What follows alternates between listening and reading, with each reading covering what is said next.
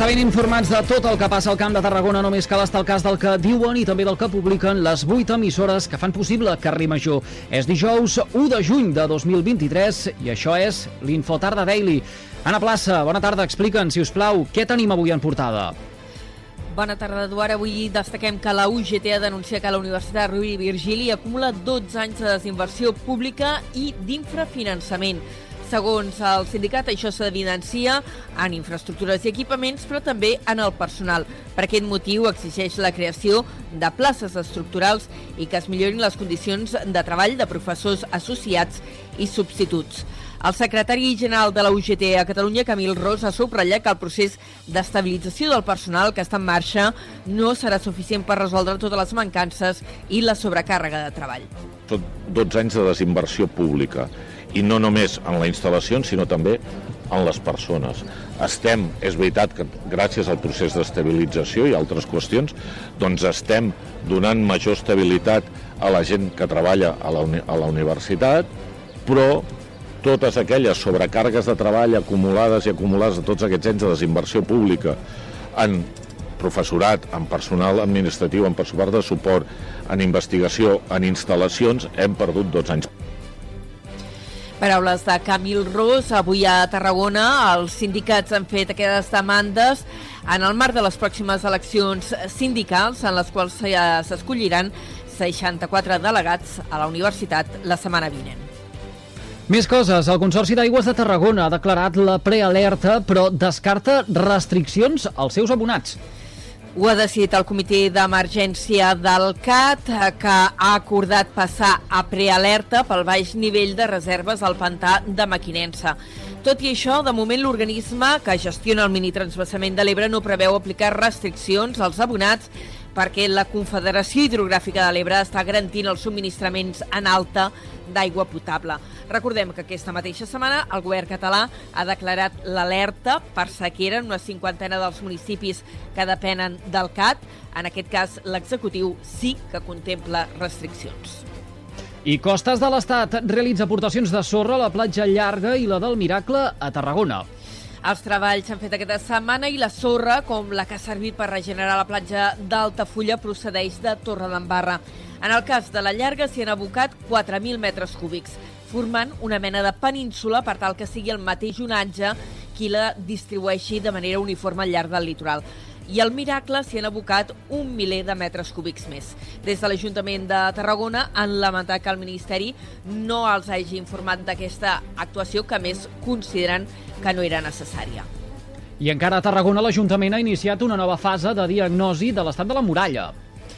En aquest cas, els treballs se centren en el tram del passeig de Sant Antoni. La bastida s'ha començat a instal·lar aquesta mateixa setmana a l'alçada de la Diputació de Tarragona i a més de fer aquesta anàlisi de l'estat de la muralla es permetrà a dur a terme unes obres d'un tram del camí de ronda.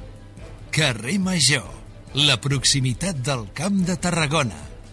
Anem ara fins a Reus perquè la Fundació Villablanca coordina un projecte internacional per ajudar a descartar teràpies pseudocientífiques en el tractament de l'autisme.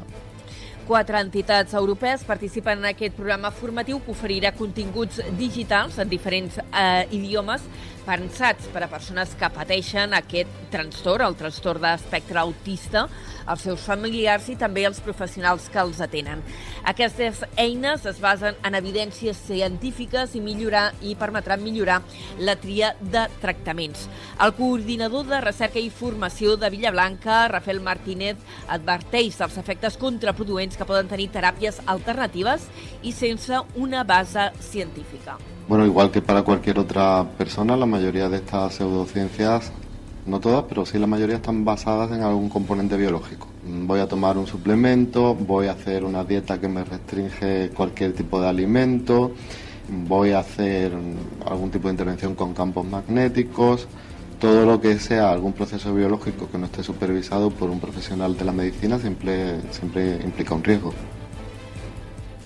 Els investigadors que participen en aquest programa, com dèiem, de diversos països d'Europa, alerten que a escala europea el 70% dels nens amb, autista, amb autisme reben tractaments basats en medicines i teràpies alternatives sense base científica.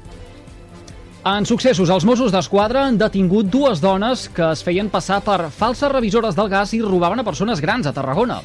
Les arrestades de 25 i 27 anys eren violentes i amenaçaven les víctimes quan aquestes sospitaven. Els robaven joies i documentació bancària per després fer transaccions fraudulentes.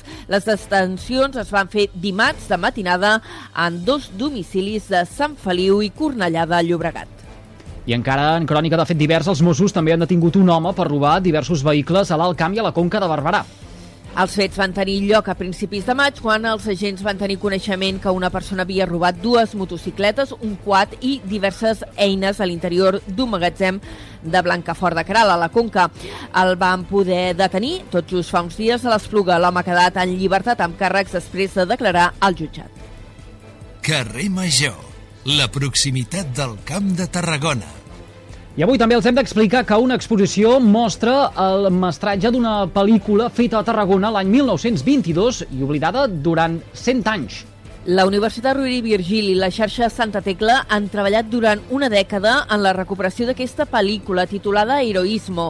L'audiovisual va ser gravat per la Creu Roja l'any 22 a Tarragona per costejar les despeses d'un hospital de sang que atengués els, els soldats ferits procedents de la guerra del Marroc.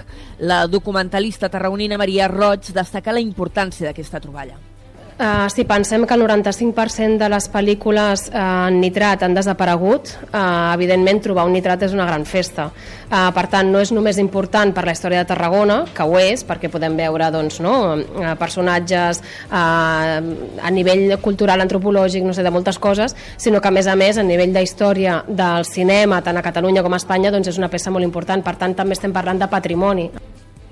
Des d'avui, aquesta pel·lícula antiga es pot descobrir en forma d'exposició a les dependències de les velles urgències de l'Hospital Santa Tecla de Tarragona.